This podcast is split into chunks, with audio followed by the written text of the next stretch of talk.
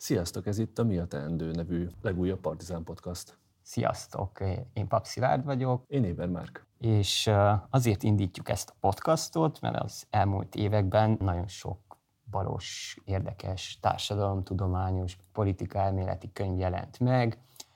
Nagyon sok fiatal szerző van, aki ilyen dolgokkal foglalkozik, egyébként ugye Márk is ezek közé tartozik, és azon gondolkodtunk, hogy egyre nagyobb, van egy ilyen nagyobb tudásanyag, ugye, amit igazából így felhalmozunk, de hogy közben politikailag nem látjuk, hogy ez hogyan hasznosul, vagy hasznosul egyáltalán, és akkor igazából az az ötlet, hogy meghívjuk az adott könyveknek a szerzőit, és velük beszélgetünk a mi a teendő kérdésről, és innen jön a podcastunk címe is, tehát megpróbáljuk a politikai alkalmazhatóságát ezeknek a dolgoknak feltérképezni. Így van, mert ugye azt vettük észre, hogy szuper jó elemzések készülnek, szuper jó diagnózisok arról, hogy mi a helyzet Magyarországon, mm, versengő mm, értelmezések ezek, de hogy közben arról meg viszonylag keveset beszélnek, vagy keveset írnak ezek a szerzők, hogy szerintük ebből mi következik. Mert hogy van valahogy egy, egyfajta talán szégyenlősség ezzel kapcsolatban, hogy azért társadalomtudományi elemzésekben, könyvekben, politikai helyzetértelmezésekben ne beszéljenek, ne beszéljünk annyit arról, hogy mit kell tenni, hanem csak arról beszéljünk, hogy mi a baj, hogy jutottunk ide, értsük meg minél jobban, minél mélyebben. Minket viszont pontosan az érdekelne, amit nem írnak le a könyvekben.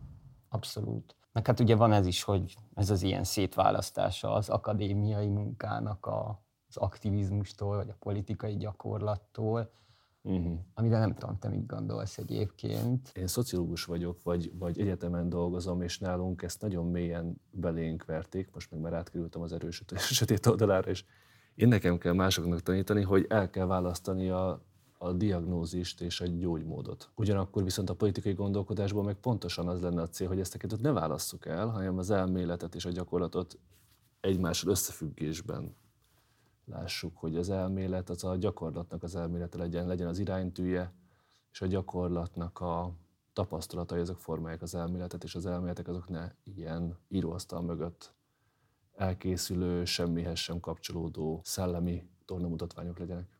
Én például ö, alapvetően ö, nem az akadémiába, világ, akadémia világában dolgozom, ö, de mondjuk ö, valamennyi társadalomtudományos képzésem, képzésen átestem egyrészt Bukarest politológiát hallgattam, aztán meg CEUN Nationalism Studies kisebbség kutatást, meg, meg szociológiát és antropológiát, és nekem mondjuk az, ez az ilyen social anthropology, tehát ez a, az antropológiának ez a szociológiához közeli uh-huh. része az, ami így erősen meghatározza azt, ahogy a, ahogy a világról gondolkodom.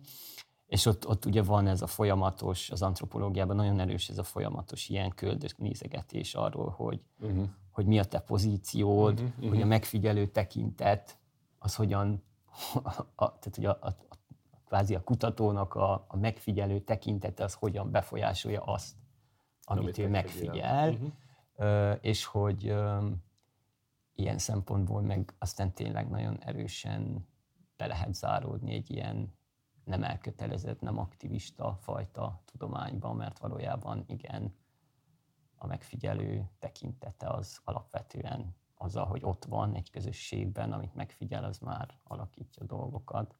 Uh-huh. Szóval, hogy, hogy itt, itt ilyen, ilyen végleteket látok. Igen. Ez az a pont, amikor már az antropológus többet ír arról, hogy ő hogyan objektiválja, hogyan tárgyasítja a megfigyelteket, mint arról, hogy egyébként mit csinálnak a megfigyeltek. Igen. Persze. Igen, ez a narcisztikus antropológia, hát ilyen a szociológiában is van, ez az elhajlás túl, túlpörgése a dolgoknak. Na, de rólad mit kell tudni azoknak a hallgatóinknak, akik esetleg nem ismerik a munkásságodat? Én szociológus vagyok, és az ELTE társadalomtudományi karán dolgozom, oktatóként, meg kutatóként alapvetően, és, és közben meg egy szakmai körökben sem kifejezetten, vagy nem minden tekintetben ismert kutatóközösségnek vagyok a tagja a helyzetműhelynek, meg közben, ez, ez tíz éve van ez a helyzetműhely nevű kutatócsoport, amiben vagyok egy, egy, egy ilyen tag, meg aztán az elmúlt öt évben, és szerintem valahogy így is ismerkedtünk meg nem, tehát hogy, hogy így részben a helyzetműhely, részben pedig Igen. te a mércének voltál nagyon sokáig a szerkesztője és, és szerzője, én pedig az új egyenlőségnek, mondjuk az csak öt éve van, most éppen most ünnepli az ötödik fennállásának ötödik évét, és akkor szerkesztőként is dolgozom, meg dolgoztam, meg fordítóként, de te is fordítottál. Múltkor megtaláltam, hogy a Grébernek a, a, a Bullshit Jobs. Bullshit Jobs, te fordítottad le először a, hát a bevezetőjét. E, igen, szerintem a... Fent és lentre.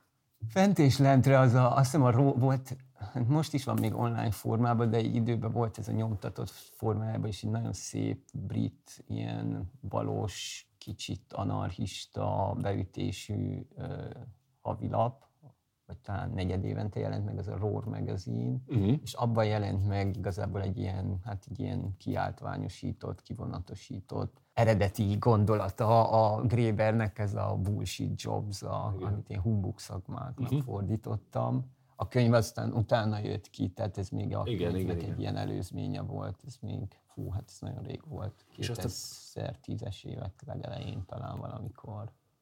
13-at sejtek, de lehet, hogy rosszul emlékszem. Olyasmi lehet, igen. És akkor ezt az eredeti szövegét ezt bele is rakta aztán a, a Bullshit Jobs bevezetőjébe. Igen, igen, igen, igen, igen, a kötet. Aztán azon kötet, az egy ilyen továbbfejlesztése volt. Uh-huh. És hát mégis jelent. így empíriája is volt, nem csak... Igen. Igen, szóval... Igen, kicsit jobban megvizsgálta. Na és Gréber egy, épp egy, egy antropológus, aki, akinek ez a könyve bullshit, bullshit szakmák, bullshit munkák címmel magyar is meg, megjelent. Most nem régi beszéltem, egy fél éve körül jelent Igen. meg, vagy talán egy éve. Igen, a Tipotexnél. Na, hát már is könyveknél vagyunk megint. Bármelyik irányba indulunk el, könyvekbe fogunk bukkanni ebben a podcastban.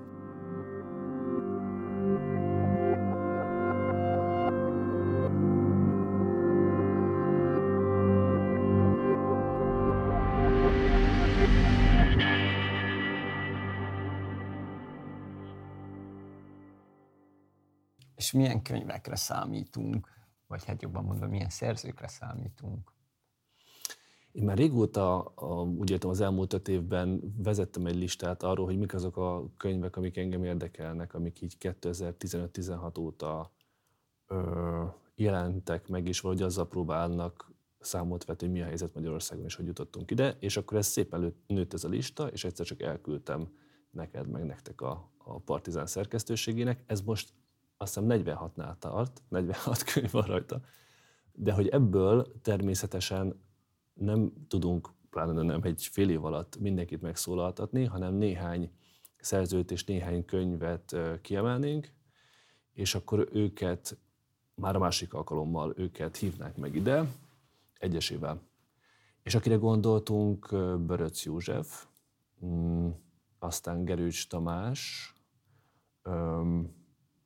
aztán még sokakat írtunk, de kicsit óvatosan mondok most neveket, mert még nem beszéltük meg Igen. velük is, tehát hogy most fogják hallani, hogy számítunk rájuk. Tervezünk velük valamit. De rajta volt ezen a, a tervünkön Patakfalvi Círiák Ágnes biztosan, Gagyi Ágnes biztosan, és még kik is voltak rajta? Te úgy emlékszem, hogy Barta Esztert írtuk Barta fel, Eszter. talán Meleg Attilára emlékszem mm-hmm. még. Szóval, hogy igen, igazából ezt most csak azért, ezt most csak ilyen ízelítőként mondjuk, de egyébként itt azt hiszem, hogy a promónak is eljön a helye, hogy van, van egy Facebook oldalunk, mint a többi partizános podcastnak is, mi a teendő a címe, ennek a Facebook oldalnak is, és ott majd egyrészt tudtok üzenetet küldeni nekünk, tehát hogy mi érdekel titeket, esetleg olyan dolgok, amik, amikről itt nem beszélünk, és fontos lenne, hogy beszéljünk, uh-huh. vagy nem vettünk észre valami érdekes könyvet, vagy szerzőt, amiről érdemes lenne beszélnünk. Azt ajánljátok nekünk. Azt mindenképp várjuk, és egyébként közzé tesszük a listát is, hogy milyen könyveket és milyen szerzőkkel szeretnénk beszélgetni uh-huh. a következő időszakban, hogy ti is tudjatok előre készülni, úgymond. Tehát, hogy ami érdekel, azt mondjuk el tudjátok olvasni előtte. Így van. Mert hogy ez, ez kiderült, hogy közös érdeklődésünk Papszival, hogy nagyon szeretjük, szerettük a Partizánnak a, az ilyen olvasókörös műsorait, és akkor erre rácsatlakoznánk erre a kezdeményezésre, hogy mi is megmondanánk, három hetente fogunk jelentkezni. Három hét az nem valami sok, de azért mégiscsak ahhoz talán elég, hogy, hogy aki velünk tart és kedve van, tudja ö, olvasni velünk együtt a könyveket, és amikor már itt vagyunk, akkor, akkor a könyveket elolvasva halljuk a szerzőt, ö, illetve az is lehet biztosan, hogy azoknak pedig éppen a podcast beszélgetés fogja meghozni a, a kedvüket a könyv elolvasásához, akik addig nem tudták elolvasni. De hogy itt annyiban más lenne ez a beszélgetés az egyes szerzőkkel, nem ez a szokásos beszélgetés, hogy mondd el, hogy mit, mit is írtál és hogy is jutottál erre. Persze ezt is meg fogjuk kérdezni, de ez igazi hangsúly az nem ezen lenne, hanem azon, hogy oké, okay, oké, okay, de mondd már el, hogy szerinted mit kellene tenni. Amire én egy kicsit eleinte, most így előzőleg tartok attól, hogy ők tartani fognak attól, hogy erre válaszoljanak. Mert hogy ez, ez sokkal nehezebb kérdés, de azért majd megpróbáljuk belőle kipiszkálni, hogy végsősorban a politikát nem, nem is feltétlenül ilyen pártpolitikai, vagy ilyen napi politikai, tehát nem, nem azt fogjuk kérni tőlük, hogy te milyen sajtóközleményt írnál, és, és, és mit jelentenél be, vagy nem tudom, hanem hogy mondjuk például intézményépítés szempontjából, vagy ilyen hosszú, hosszabb távú, 3, 5, 10, 15 éves stratégiában mit tennél, vagy te egyetem mit csinálsz? Lehet, hogy, hogy ezek az emberek ezek közben vadul szerveznek ilyen dolgokat, csak az kevésbé látszik, akkor mondják már el, hogy az, amire ők rájöttek, és ezt könyvekben, tanulmányokban így úgy publikálták, az őket milyen cselekvése sarkalta időközben. Igen.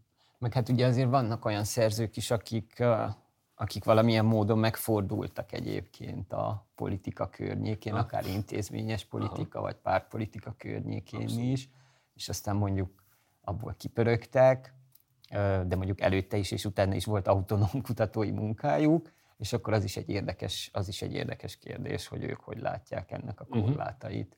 Uh-huh.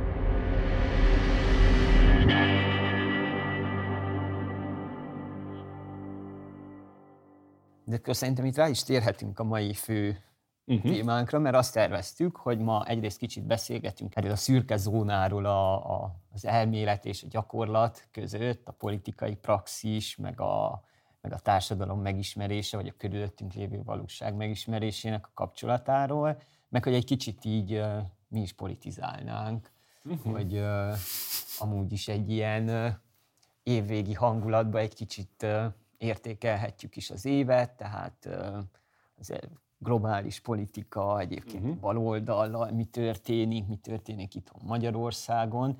Szóval, hogy ezek a, ezek a mai terveink. Szedjük is szét az, e, az adást szerintem így most az elején már, uh-huh. hogy egyébként nem hiba, vagy nem tévedés mondjuk így szakértőket kérdezni arról, vagy tudósokat kérdezni arról, hogy mit kéne csinálni a politikában, mert hogy, hogy már csak onnan kiindulva is, hogy ugye van egy ilyen Magyarországon mindenképp, de ez valójában egy globális jelenség, így a, nem tudom, a, mindenképp legalább a, a neoliberalizmus korának, tehát a 70-es, 80-as évektől napjainkig, az most egy másik kérdés, hogy véget érte már ez a korszak, vagy nem, minden esetre az biztos, hogy ezek, ennek az elmúlt ilyen 30-40 évnek az egy fontos ilyen globális központi elgondolása a technokrata gondolkodás, az, hogy hát szakértők tudják, hogy mit kell csinálni, hogyan kell menedzselni helyesen a gazdaságot, mi jó a társadalomnak, mi jó az embereknek, uh-huh. és, akkor, és akkor ugye ez valójában van egy nagyon erős ilyen baloldali kritika ezzel kapcsolatban, és egyébként nem csak baloldali, jobboldali kritikája is van ennek az egész technokrácia gondolatnak, mégpedig az, hogy, hogy a politika, meg a közös dolgok intézése az nem arról szól, hogy, hogy van egyetlen egy helyes út, amit megismerhetünk tudományos módon, feltárjuk, hogy mi lenne az a helyes út, és akkor utána pedig azt gyakorlatba ültetjük, hanem hogy ez valójában egy ilyen konfliktusos érdekekről szól, azoknak a küzdelme, kompromisszumra jutása, és valójában egy közös döntés arról, uh-huh. hogy mit szeretnénk. És azután következnek persze az ilyen technikai részletek, hogy hát uh-huh. hogyan valósítsuk meg azt, amit szeretnénk, de hogy alapvetően itt egy értékválasztásról van, meg egy közös, közösen ö, lefektetett, nem tudom, nem mindig konszenzuális dologról, hogy merre is haladjunk. Tehát, hogy azt szeretnénk, hogy X legyen, vagy azt szeretnénk, hogy Y, és ez a kettő kizárhatja egymást. Uh-huh. És ugye ezt a technokrácia nem tudja megcsinálni. És akkor valójában felmerül a kérdés, hogy mi nem ezt erősítjük-e, hogy megkérdezünk így embereket arról, akikre azt gondoljuk, hogy így értenek, a, mi történik a magyar társadalomban, vagy mi történik globálisan, uh-huh. és akkor megkérdezzük őket, hogy na és akkor merre az előre. Igen, tehát az biztos, hogy nem, nem valami fajta új szakértői mitoszt akarunk építeni. Tehát nem azt akarjuk itt elérni, hogy mindenki hallgasson a tudósokra, és akkor, vagy a társadalomkutatókra, és akkor, mint Arisztotelésznél, vagy Plat- Platonnál van, de hogy is Arisztotelésznél, Platonnál van, hogy akkor a filozófus királyok meg megmondják, hogy, hogy, hogy mit kell gondolni, és mindenki rájuk hallgasson. Ezt nem, semmiképpen, vagy én legalábbis semmiképpen nem szeretném, meg, meg hát egyébként azért annyira nem tud sikeres lenni a podcastunk, hogy innentől kezdve milliók, milliók ostromolják a, a jobb-rosszabb elemzésekkel előálló tudósokat, és ők legyenek hirtelen az új, mint nem tudom én, szegény hosszú Katinkából, meg mindenkiből egy időben miniszterelnök jelöltet csinálta Igen. a média, mert volt, csináltak olyan sikeres dolgot, és akkor utána rögtön, oké, okay, akkor te leszel Orbán kívója. Szóval ez biztosan, na most elvicceltem, de hogy igazából ez biztosan nem, nem egy ilyen új szakértői mitosz, meg egy ilyen elitista elefántcsontoronyból majd megmutatják, hogy merre kell menni a népnek, és akkor a nép majd arra megy, egyáltalán nem. Viszont a reflexió, tehát az, hogy ha, meg, ha az előbb elvicceltem, akkor most meg túl komolykodóan mondva azt, hogy akár a, a politikai képzelőerőnek a fejlesztése, bővítése, hogy egyáltalán mi az, amiről nem beszélünk, de hat. Mi az, ami, amit felszíre kell hozni, mi az, amit észre kell venni, és ami tudja informálni a politikával foglalkozókat, akár mozgalmakat, akár pártokat, az viszont, az viszont sokszor éppen azoktól az emberektől jön, akiknek megvan az a lehetősége, már-már kiváltsága, hogy éveken keresztül más se csinálnak, csak olvasnak, meg írnak, meg olvasnak, meg írnak, meg olvasnak, meg írnak, meg beszélnek róla. Tehát, hogy, hogy én legalábbis úgy képzelem, és aztán mondd, hogy te ezt, ezt, ezt hogy gondolod, hogy, hogy meghallgatjuk ezeket a szerzőket arról, hogy ők hogy látják a nagyképet, és ez nem, ebből nem az következik, hogy, hogy ők meg fogják mondani mindenkinek, hogy merre, hanem, hanem tudnak adni irányokat, amin aztán a valóságosan politikai munkát végzők el tudnak indulni, és esetleg messzebb tudnak eljutni. Én is ezen gondolkodtam, hogy mik azok a kérdések például, amiket szeretnénk minden egyes meghívatnak feltenni, uh-huh és hogy az egyik ilyen kérdés, ami engem nagyon érdekel, és így a beszélgetések, másokkal való beszélgetések alapján így a környezetemben is sok mindenkit érdekel, az ugye a, a cselekvő kérdése, a ki, uh-huh. ki kérdése. Igen. És ez az egyik legnehezebb kérdés, mert mondjuk itt tudom én, 30-40-50 évvel ezelőtt bal oldalon könnyű volt azt mondani, hogy hát a munkás osztály az, ami uh-huh. a cselekvő, és akkor ugye ennek vannak ilyen árnyalatai, amit egyébként pont a Kis Viktor, akit szintén szeretnénk meghívni Abszolút. egy adott ponton. Szóval, hogy, hogy a, ezt a Viktor írja még a, a nem a legutóbbi, hanem az az előtti könyvébe a, a posztmarxizmus kötetbe, az ideológia kritika posztmarxizmus című kötetében, hogy ugye a, a klasszikus ilyen baloldali gondolkodásban van ez a két ilyen irányzat ezzel kapcsolatban, hogy ki a cselekvő, hogy egyrészt van ez az ilyen nagyon erősen ilyen determinista elképzelés, hogy hát a kapitalizmusnak a belső ellentmondásai, meg a különböző ilyen strukturális ellentmondásai, meg, meg problémái, azok szükségszerűen kitermelik a az alternatíváját, uh-huh. és kitermelik a politikai aktorokat is, a politikai uh-huh. cselekvőket, és hogy valójában a cselekvőnek, a, mi ebben az esetben ugye a munkásosztály, annak kvázi végre kell hajtani azt az ítéletet, amit az ész mondott már, mert hogy az ész, ami feltárta a kapitalizmusnak a különböző ellentmondásait,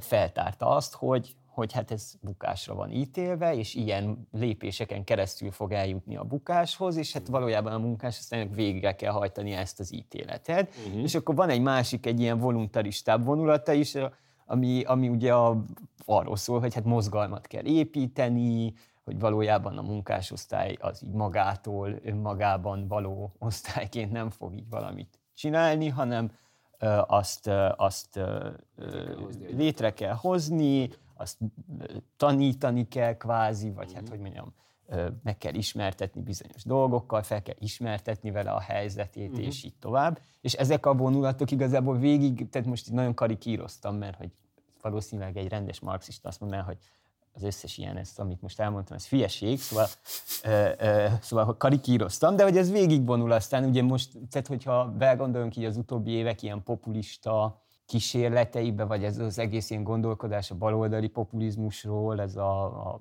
a, a laklaus MUF uh-huh. iskolában is például ott is igazából az van, hogy hát fel kell ismertetni, nem már, már túlhaladnak a munkásosztályon, de hogy fel kell ismertetni az emberekben azt, hogy ugyanannak az elnyomásnak a közös elszenvedői, uh-huh. és hogy van közöttük ilyen értelemben az ő problémáik, küzdelmeik között van egy ilyen egyenértékűség, és akkor ezt fel kell ismertetni. Létre kell hozni a népet. Létre kell hozni a népet, na ugyebár de hogy ez egyáltalán nem egy magától értetődő dolog, szóval engem ez mindig, tehát hogy ez nekem egy ilyen visszatérő vállalásom így erre a műsorra, hogy ezt, uh-huh. ezt például problematizálni, hogy, hogy kinek is, ki is az, aki ezekben a helyzetekben a, a cselekvő.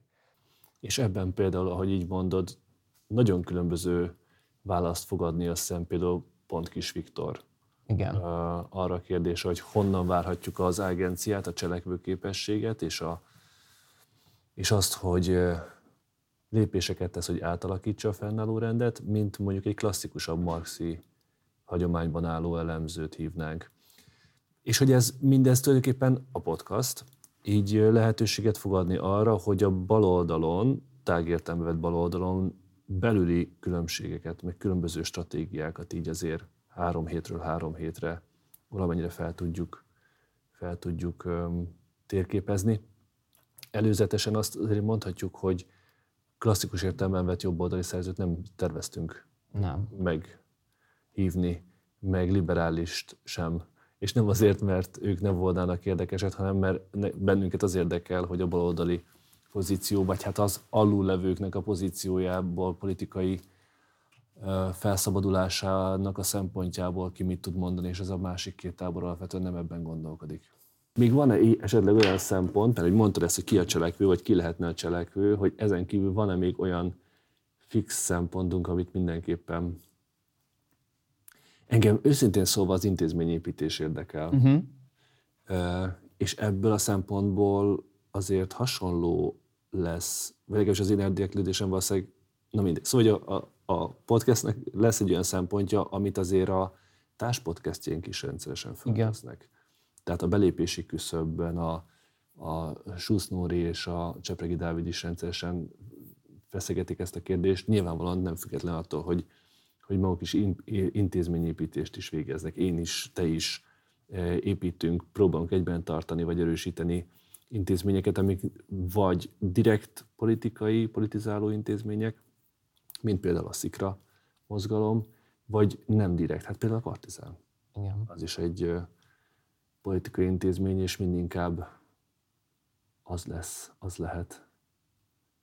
Valószínűleg ezzel nem fecsegek ki titkot. Nem, hát nem lesz, tehát hogy nem, nem pártpolitikai ambíciói vannak, de abban az értelemben, hogy, hogy mint a, tehát, hogy mondjam, a közvélekedés alakítását, uh-huh. vagy egyáltalán megismertetését, különböző problémáknak a keretezését ebben az értelemben politikai. Okay. És ez a másik dolog, amin én sokat szoktam uh-huh. dilemmázni, hogy egyébként ugye, ahogy mondtad is, hogy, hogy én mondjuk így 2014 óta egészen most áprilisig elég sok energiát beleraktam ugye a, a mérce uh-huh.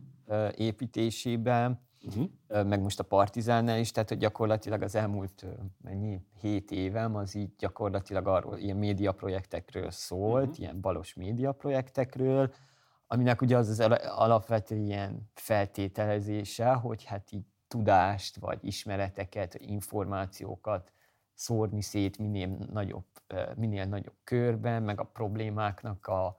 gyökereire rámutatni másképpen, mint ahogy mondjuk a mainstream sajtóba rámutatnak. Szóval, hogy, hogy van egy ilyen vonulat ennek az ilyen baloldali médiacsinálásnak, ami egyébként nem, nem csak Magyarországra jellemző, hanem mondjuk a régióba is. Tök sok nagyon jó, színvonalas, internetes vagy nyomtatott lap jelenik meg, mhm. videócsatornák, ilyesmi. És hogy ezzel kapcsolatban mindig felmerül az a kérdés, hogy, hogy ez is mennyire egy ilyen politikailag célra vezető vagy hatékony stratégia, hogy azt feltételezni, hogy itt valójában tényleg az történik, hogy hát az emberek nem tudják, de ha mhm. majd ráébresztjük őket, akkor majd mindenki, a, és hogy, hogy itt is érzek egy ilyen, hogy mondjam, egy ilyen kicsit ilyen technokrata uh-huh. beütést ebbe a, ebbe a műfajban, hogy, uh-huh. hogy hát igen, valójában a politikai különbség, tehát hogy valaki azért jobb oldali, nem tudom, egy, egy, egy, egy munkás, egy fiatal munkás azért mondjuk jobboldali vagy szélső jobboldali, mert hogy nem tudom, egy ilyen hamis tudatban él, vagy így uh-huh. nem látja át a saját helyzetét megfelelő módon, és akkor majd jönnek ezek az ilyen újságok, meg videócsatornák, és akkor majd ráébresztik, ráébresztik őt erre, és akkor, akkor politikailag majd a helyes, helyes utat uh-huh. fogja járni amiben én az elmúlt, nem tudom, x évben nagyon-nagyon kételkedem. Aha. Szerintem az adásunkkal kapcsolatban is, hogyha már még, még tovább így akarom egy kicsit szétmalackodni ezt az egész koncepciót, akkor ez a másik dolog, ami így felmerül, hogy, hogy, hogy ezt például hogyan lehet elkerülni, hogy, hogy azt a látszatot erősítsük, hogy a politika az valójában erről szól, hogy hát fel kell világosítani az uh-huh. embereket. És hogy ne csak hogy, hogy ne csak onnan fogjam meg, hogy én, mármint, hogy ilyen most személyes sztorin keresztül, mm. hanem hogy ennek van valós következménye, mert azt látjuk, hogy például a, a teljes globális zöld, mm-hmm. teljes európai, vagy nyugat-európai és észak-amerikai zöld mozgalom, az például erről szól, hogy így amúgy mindenki azt támogatná, hogy zöldítsünk, meg vezessük ki a fosszilis energiát, meg mm-hmm. mit tudom én mi, csak rá kell őket döbbenteni. Ki kell menni az utcára, békésen molinókat feltartani, meg mit tudom én mi, és akkor majd összejön az a kritikus tömeg, ami aztán rákényszeríti a politikusokat arra, hogy majd változás történjen. Csak hogy empirikusan semmi nem igazolja vissza ezt valójában. Tehát nem igazolja vissza, hogy egyébként tudnánk ezzel, tehát hogy kezdenénk valamit ezzel a helyzettel a, globál, tehát a globális felmelegedés problémájával. Igen, most, hogy, hogy így mondtad ezt, azon gondolkoztam, hogy vajon hol állok én ebben a kérdésben, és azt hiszem, hogy, hogy, hogy teljesen megértem azokat a mondjuk munkásokat, akik ma jobboldaliak vagy szélső jobboldaliak. Tehát igazából ilyen morális megvetés, vagy ilyen elitista lenézés, uh-huh. azt hiszem, hogy az, az nem, nem nagyon tud kijönni belőlem. Azon csodálkozom, hogyha nem azok. Tehát, hogy, hogyha, hogyha ezt, ezt a dózist kapják, ami az elmúlt x, mit tudom én, 10-12-30 évben kaptak, akkor ugyan mitől lennének baloldaliak? Hát ez nagyon nagy kérdés. Vagy ugyan mitől, mitől gondolnának bármi más? Tehát, hogyha, hogyha ilyen, tényleg, na, hát igazából ugyanazt tudom elmondani, és annak még nincs értelme, Szóval, hogy, hogy ezt a fajta elitista technokrata gőgöt itt nem fogjuk tudni reprodukálni, ha akarnánk sem, szerintem. Én tudnám. Vagy akkor úgy mondom, hogy, hogy meg kéne magunkat erőszakolni, hogy, hogy, hogy toljuk azt, ami nem, nem is lenne hiteles valószínűleg. Nem, az biztos. Csak hogy ez azért fontos így a, a, hallgatók számára, hogy, igen. hogy, igen, hogy igen. szerintem nem ígérjünk, nem ígérünk uh, csodarecepteket, de közben meg ígérünk olyan rések nyitását, vagy akár a gondolkodásban, akár a politikai cselekvésben, ahová be lehet nyomulni, ha ez valakit, valakit uh-huh. érdekel. Igen. Meg hát az, az mindenképpen a célunk, hogy arról, amiről úgy általában a hazai politikai közbeszéd beszél, és ahogyan a kérdéseket felteszi, azt segítsük részben mélyebben, részben pedig összetettebben látni, annak érdekében, hogy észrevegyük, hogy borzasztóan összenyomott, leegyszerűsített, szimbolikus erőszakkal, vagy ilyen diskurzív erőszakkal is terhelt ez a politikai tér. Ami alatt azt akarom mondani, hogy nagyon sokszor szereplők nem tudják igazán, nincsen terük arra, hogy elmondják, hogy pontosan mit akarnak és pontosan mit gondolnak, hanem azt lehet róluk tudni, amit mások mondanak róluk, és ezáltal így be vannak tolva bizonyos pozícióba, vagy be vannak gyűrve, vagy rájuk van omlasztva a, a hegy, ami miatt nem nagyon tudnak megszólalni. Politikai pozíciók sem, de még inkább társadalmi pozícióból, tehát hogy nem tudnak emberek kifejezésre jutatni másfajta gondolatokat. És hogyha ezt egy kicsit tudjuk másképpen láttatni, vagy felszabadítani azokat a perspektívákat, akkor már bejebb lennénk, de, de az biztos, hogy abszolút van, van egy ilyen mély paradoxon ebbe is, hogy, hogy azért mégiscsak uh, ilyen tudós emberek fognak beszélni. De közben meg szerintem az is van, hogy az, az, az, az vagy nem tudom, tehát, hogy például a 46-os listádról nem olvastam mindent, de mondjuk nagyon soknak a nagyon ágazó témák vannak, tehát nem tudom én, az Európai Uniótól kezdve egészen a, nem tudom, a magyarországi romák kizsák, vagy kizsákmányolására, alávetéséről szóló, szóval, hogy ilyen nagyon globális kitekintésű makro dolgoktól egészen ilyen kis települési szintre lemenő monográfiákig nagyon sok minden Igen. van benne, de az, az szerintem egy nagyon fontos tanulsága mindegyiknek, hogy, hogy a politika és a társadalom nem válik, vagy hogy, uh-huh. hogy nem kellene szétválnia úgy, ahogy egyébként mondjuk a magyar politikában ma ezt látjuk.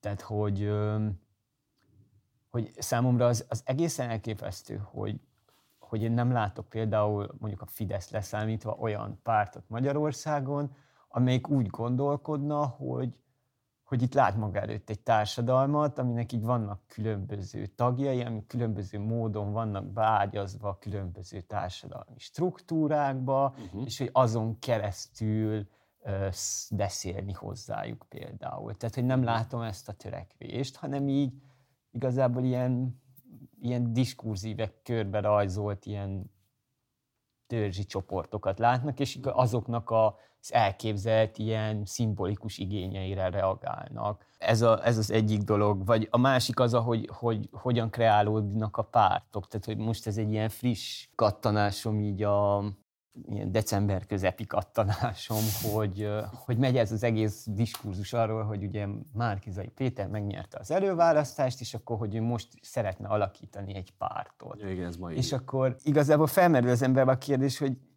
hogy így születnek a pártok, hogy így van egy emberben, és három barátjában egy igény, tehát egy elitcsoporton belül egy még kisebb elitcsoportban van egy igény, hogy ő egy pártot hozzon létre, és akkor létrejön egy párt. És ilyenre rengeteg példa van a magyar politikában, és nem csak a magyar politikában, tehát a régiós politikában is rengeteg ilyen példát lehet uh-huh. mondani, tehát mit tudom, a román politikai rendszer az így működik, hogy, uh-huh. hogy négy évente generál ilyen kis pártokat, amiknek van valami funkciójuk, de abban most nem megyek bele.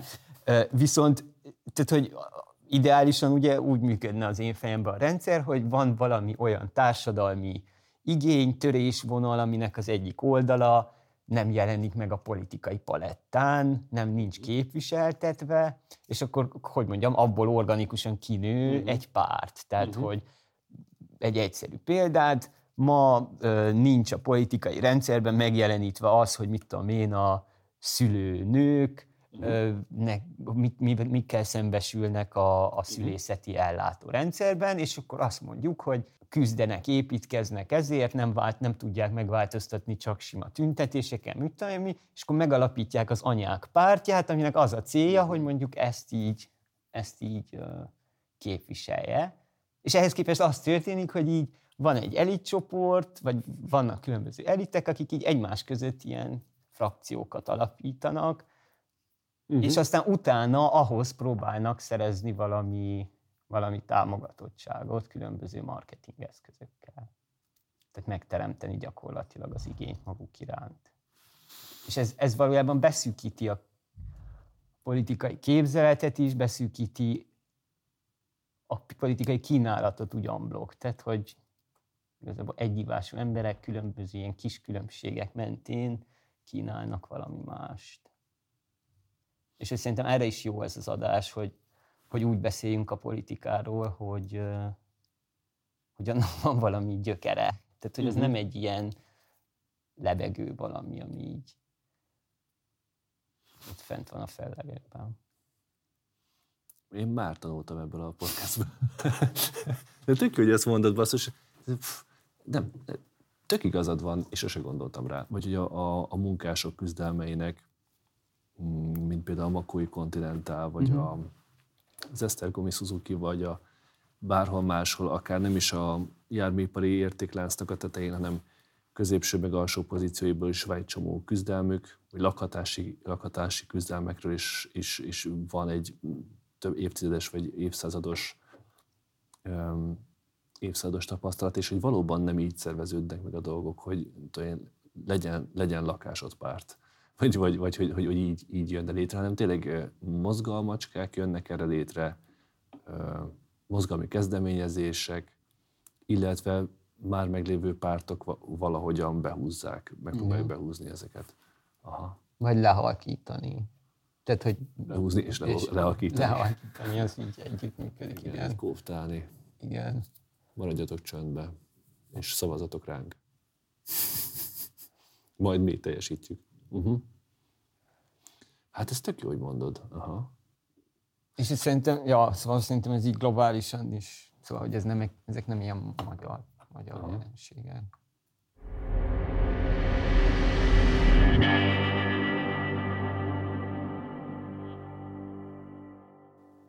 Te nem tudom, te például mit gondolsz így a, nem tudom, így az egész ilyen Covid járvány második évében mi történik? Például mit gondolsz ezekről a azokról az elméletekről, amit most így a, nem tudom, a neoliberalizmus végét hirdetik így a Covid gazdasági kezelése kapcsán, vagy nem tudom, hogy rövidülnek a termelési láncok, meg visszajönnek, meg hogy így azért átváltanak így az nyugati államok ilyen protekcionistába, mm-hmm. és akkor ilyenekről kezdnek beszélni, hogy iparosítás, mm-hmm. mint mhm. hogy nem tudom, az 50-es években lennénk ilyen ezt, ezt hallom így Amerikában is, meg a Nagy-Britanniában is, ez az industrial policy, ez az iparpolitika, uh-huh. hogy mhm. legyen saját iparpolitikánk, és uh-huh. így gyártsunk itt dolgokat. Uh-huh. Uh-huh.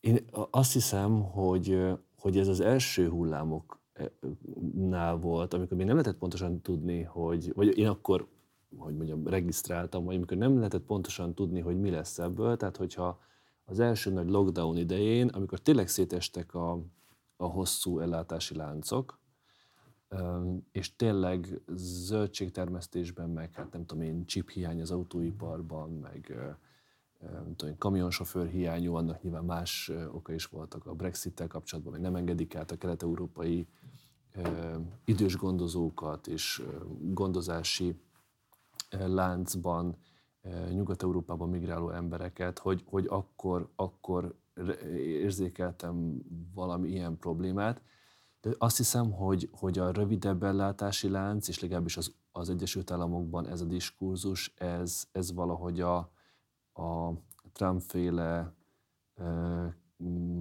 hogy mondjam, kiábrándult fehér munkásnak a adjunk nekik újra munkát jellegű uh-huh. policia, nem? Igen. Tehát, hogy és itt valahogy a kettő összeér, vagy megpróbál összeérni, tehát hogy egyszerre iparpolitikát csinálni, azaz hazahozni, visszahozni valamilyen termelési, összeszerelési, valami manufacturing munkahelyeket, és közben a rövid ellátási láncra is hivatkozni. És közben még zöldíteni és is, közben ugye? zöldíteni, Green New Deal, mindenféleképpen. És ez valahogy, valahogy mint hogyha a Biden ezt, ezt rakta volna össze de hogy közben meg az újraiparosítás, amennyire én ezt tudom, de erről pont majd a Gerős Tamás, hogy olyan akkor bővebben tud beszélni, hogy az meg például járműiparügyben Magyarországon, meg nem tudom, Csehország, Szlovákia, ez korábban elkezdődik. Uh-huh. Mhm.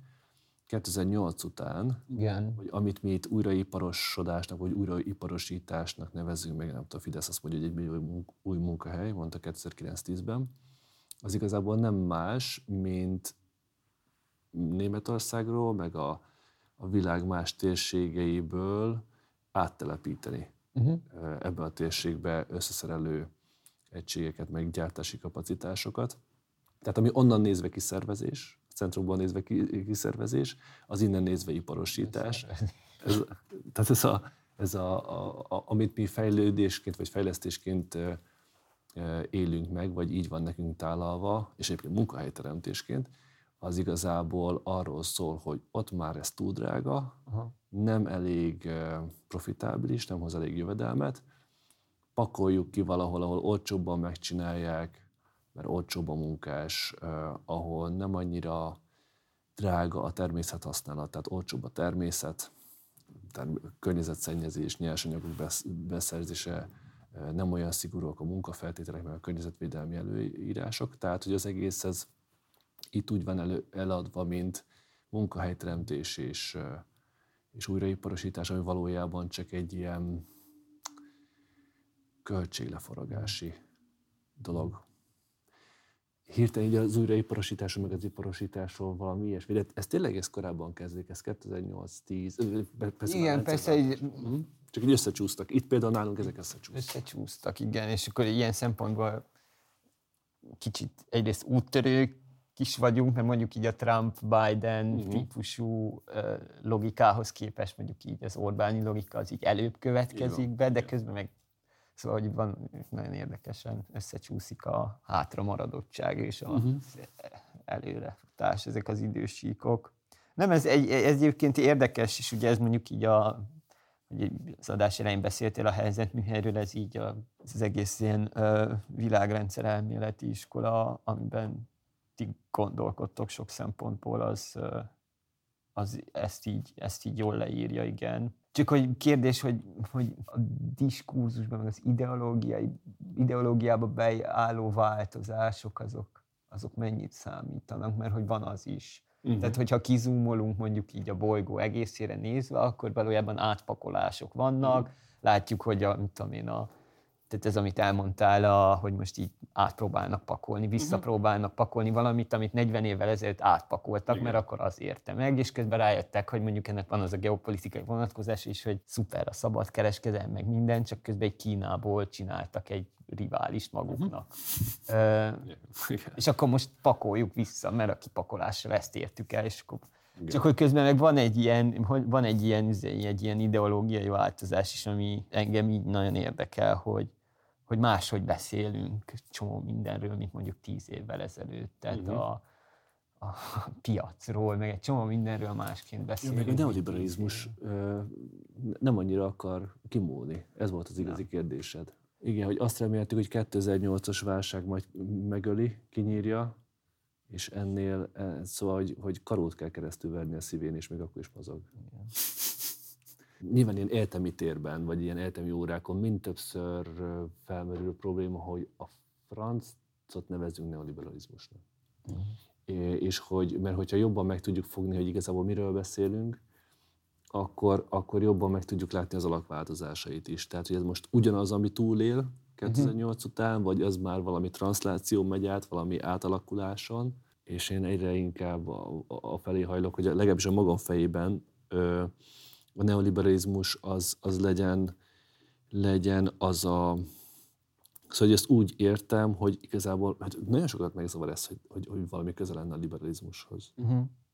Pedig hát nem sok van. Uh-huh. valami piac, a piac felszabadítására hivatkozó duma, meg az egyén felszabadítására, meg a vállalkozás szabadságáról szóló duma, ami igazából semmi más nem szolgál, mint az, hogy legyen a kizsákmányolás szabad. Igen. Szabadítsuk fel a tőke felhalmozást és a profit kinyerést bármi áron, mert az jó, mert ha a piac pörög, akkor az mindenkinek jó lesz.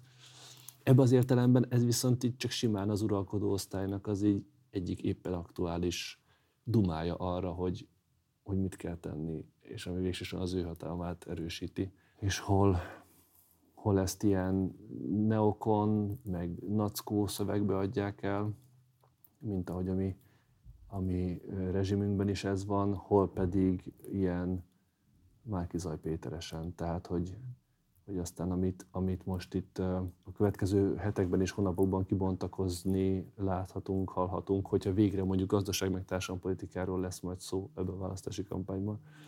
Nekem az az érzésem, hogy nagyon sokszor az lesz, hogy az uralkodó osztály jobb és bal keze beszélget arról, vagy vitatkozik arról, ami igazából ilyen, hát nem a társadalom érdeke, hanem az ő személyes érdekük, de ez nagyon szépen el lesz, el lesz adva, el lesz csomagolva.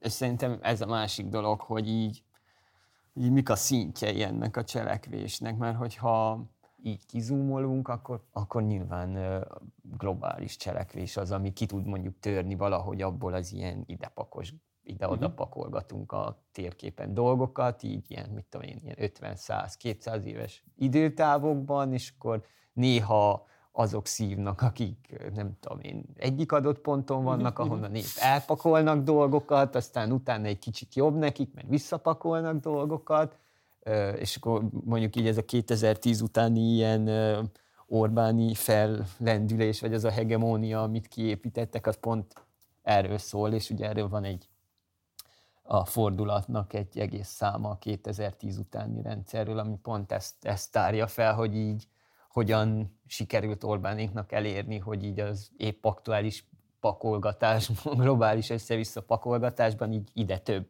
jusson, Igen. és akkor Épp ebből fel tudtak építeni egy ilyen gazdasági, működő gazdasági rendszert, ami valamilyen szinten ilyen tudom, GDP növekedést, meg uh-huh. reálbér növekedést is hozott, és e, e, ez, ezzel párhuzamosan ugye egy ilyen egész ideológiai felépítményt is hozzápakoltak. De hogy... Így van. Csak hogy, hogy hivatkozok, bocs, csak hogy ez a fordulatfolyirat 26. lapszáma. Így van. Csak hogy... Így van a, a hm? számokra, már nem emlékszem.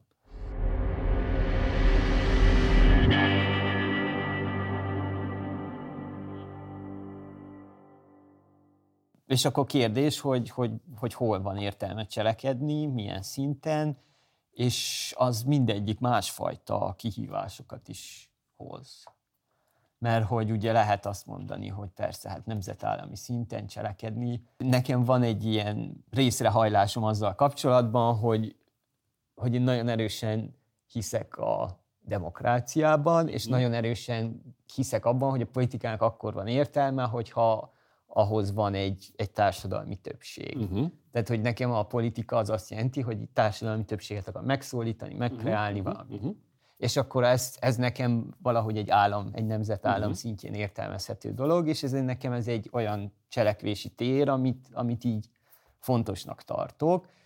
De mondjuk, hogyha kizúmolunk ebből egy ilyen globálisabb szintre, akkor, akkor ez egy ilyen hiába való ö, uh-huh. valaminek tűnik, viszont akkor előjönnek teljesen más, tehát hogy a globális hogy mondjam, szervezkedésnek a kihívásait azért nagyon nehezen lehet megugrani per pillanat, és az elmúlt évtizedekben is nagyon nehezen ugrották meg az Igen. emberek, és csak ilyen kis időszakokra állt össze valami egy ilyen autentikus politikai dologgá, hogy aztán, uh-huh. hogy aztán szét, szétmenjen. És ugyanez ugye a, a kisebb szintekkel, hogy itt is vannak ezek a különböző iskolák, hogy hát kis közösségi szinteken gyakorlatilag ugye, hogy mondjam, milyen alternatívákat építeni a kapitalista termelési móddal, uh-huh, uh-huh. módon kívül.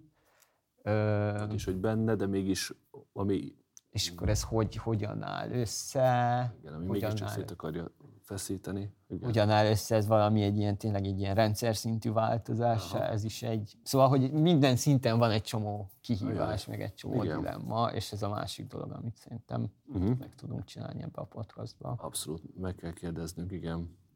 Mert hogy itt, amit, amit mondtál, ami nemzetállami politika, vagy nemzetállami szinten próbálja a közhatalmat, államhatalmat demokratikus úton megszerezni, ilyen kezdeményezésünk is van Magyarországon. Igen és nem az MSZP-re gondolok, nem, nem is a DK-ra, hanem, hanem mondjuk a szikrára, a szikra mozgalomra, ami ilyen ö, hosszabb távon ilyen, ilyen terveket ö, ö, tűz ki a maga számára. Hosszabb távon az nem három hónap, hanem, hanem 3, 5, 10, 15 x év. Meg van, aki meg azt mondja, igen, amit mondasz, hogy a kapitalizmuson belül, de a kapitalizmus ellen létrehozni olyan kezdeményezéseket szövetkezeti, meg akár szakszervezeti együttműködésben, amelyek tendenciájukat tekintve a tőkefelhalmozásnak, meg a profit kinyerésnek az uralkodó logikáját ássa alá. És akkor ez meg szolidáris gazdaság. És valamilyen fajta a társadalomnak a mélyebb termelésen, újratermelésen keresztüli megszervezése és politizálása.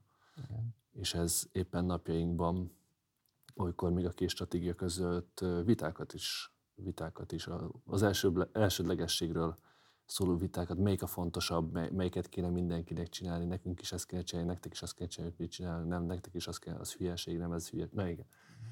Um, Meg globális szinten is hát rengeteg abszolút, van, tehát nem tudom, igen. csak most így a amiket én figyeltem, az a, nem tudom, az a Varoufakis által csinált Aha. ilyen progresszív internacionália, még mondjuk ezt az egész ilyen amazonos, uh-huh. különböző Amazon uh, ilyen logisztikai központok, tehát rak, kázi raktárak, meg elosztó központoknak a dolgozóit próbálta meg így összefogni, uh-huh. tudom én, tehát a lengyel, olasz, francia, amerikai, kanadai uh-huh. központokat, és ott most már így évek óta, tehát minden évben vannak ilyen kisebb megmozdulások, amik azért még, szóval, hogy nem, nem nagy szabású dolgok, de azért évről évre növekednek, meg hát vannak mások is, a, nem tudom, a, ilyen szakszervezeti összefogások, nem tudom, ilyen például az energetika területén, uh-huh. a, nem is tudom, hogy is hívják, ezt biztos jobban tudod, a... TUED? Igen, Trade Unions for Energy Democracy, vagy valami ilyesmi. Ah, aha, ezt így nem lehet, tudtam volna, de ez. Lehet, hogy nem pont így, de a tartalma ez. Igen, igen. Tehát, hogy igen, ami a, mondjuk a, a, a különböző ilyen energiaforrásokhoz való uh, hozzáférés egyrészt környezeti szempontból, uh-huh. másrészt meg tehát, hogy pont ez a, az, azt a vitát próbálják közben meg így az életszínvonalunkat nem akarjuk feladni, és ez nem gondolom, hogy egy illegitimizé. Így van. És, hogy nem, hogy és, és azt sem gondolom, hogy ez egy ilyen, hogy mondjam, egy ilyen privilegizáltabb helyzetű embereknek a, problémája lenne. Emberek, akik nem tudom, kis településeken élnek, és az autón múlik az, hogy, hogy eljuthassanak igen. munkába, és fizetést kaphassanak, vagy igen, érted, igen. Uh-huh. gyűjtöttem arra évek óta, hogy legyen egy jobb nem tudom, autó, vagy egy jobb uh-huh. tévé, vagy jobb fűtés a lakásba, vagy valami, és akkor jön valaki, aki azt mondja, hogy de hát, hogy ez, ez egy ilyen izé, pazarló, rossz, káros valami, nem amit, te, föld, amit, amit te, te az élet céljaid voltak, hogy izé, és ezt a föld nem bírja, és akkor pont ezek az ilyen globális szakszervezeti együttműködések pont ezt próbálják átvágni, hogy, hogy ez, ez, a, ez a dilemma ne álljon elő. Igen, hogy energiátmenet, azt hiszem Igen. úgy szó, hogy egyszerre egyszerre égessünk kevesebbet, de ugyanakkor a, a jóléti elvárásaink, amennyire lehet, azok ne, ne sokszerűen csökkenjenek. Vagy legalábbis alakuljanak át úgy, hogy hogy ökológiai szempontoknak jobban megfelelnek. Ja. Igen, igen. Na erről is, hát látod, ez, ez is tök jó, hogy erről, erről hogyha tudunk valakit faggatni a fél év során. Még ahogy még az előbb beszéltél, közben még beugrott néhány név, akiről beszéltünk. Amikor beszéltél a magyarországi cigányságnak a helyi antropológiai vizsgálatáról, akkor ott Szombati Kristóf és Kovai Cecília. Abszolút. Ha most ezt hallják, akkor már tudják, hogy fognak tőlünk levelet kapni egy ponton, hogy jöjjenek el velünk beszélgetni. Fekete Volga egy adott ponton a házuk előtt. Hajnalban ráadásul. Nagyon érdekes volt, egy, egy politikai táborban nyáron eljött Böröc József, és azt mondta, hogy nagyon érdekes, hogy ti itt, itt politikai mozgalmat szerveztek, de kik a, szövetség, kik a külső szövetségeseitek? Mm-hmm. És akkor erre kapott vajon választ, és azt mondta, hogy nagyon érdekes, mert az, amit ti csináltok, az, az például a, a, igen jelentős politikai erők vannak akinek Indiában. Miért nem barátkoztok az indiai baloldalal? és akkor így első körben egy ilyen megütközés, de miért barátkoznánk az én? Szóval annyira, annyira nincsen meg e, ez a... Tehát annak ellenére, hogy nemzeti keretben a magyar állam, magyar közhatalom egyszer majd x éve múlva talán megszerzése lehet a cél, hogy ezt a projektet is segítheti, hogyha nem csak a lengyel, a román, a cseh, meg a berlini, nem tudom én, Friedrich Heber Stiftung és Rosa Luxemburg Stiftungnak a hálózatában, soros hálózat távban képzeljük el a politikai cselekvést, hanem, hanem tényleg kinyitjuk a globalitás előtt, és, és észreveszünk azt, hogy egyébként ilyen, ilyen több tízmilliós adott esetben latin-amerikai országokban vagy indiai tartományokban vannak működő, egyszerre szolidáris gazdasági logikán, meg commons logikán alapuló intézmények, amiknek egyébként van reálpolitikai szárnyuk is, és hogy tényleg, tényleg, tehát hogy ez azt akarom mondani, hogy a transznacionális szerveződés, vagy a nemzethatárokon átívelő ö, szerveződés és a nemzetállami politikai keretek megcélzása, az még ráadásul simán együtt is járhat. Sőt, lehet, hogy az egyik a másiknak az eszköze. Mint ahogy egyébként bölcs tanítómesterünk Orbán Viktor is ezt csinálja masszívan. Abszolút. Fogja a magyar államot tíz körömmel keményen, és közben akivel lehet keresztbe kasul barátkozik, akkor is, hogyha, hogyha az, az egyébként mondjuk, ne, szóval nem csak, nem csak Magyarország, mint nemzetállam, meg mint annak a diplomáciai rendszeret tud kapcsolatokat képíteni, hanem ilyen nemzetállami szint alatti tapasztalat és információ, meg hát tudáscserés tök hasznos lehet.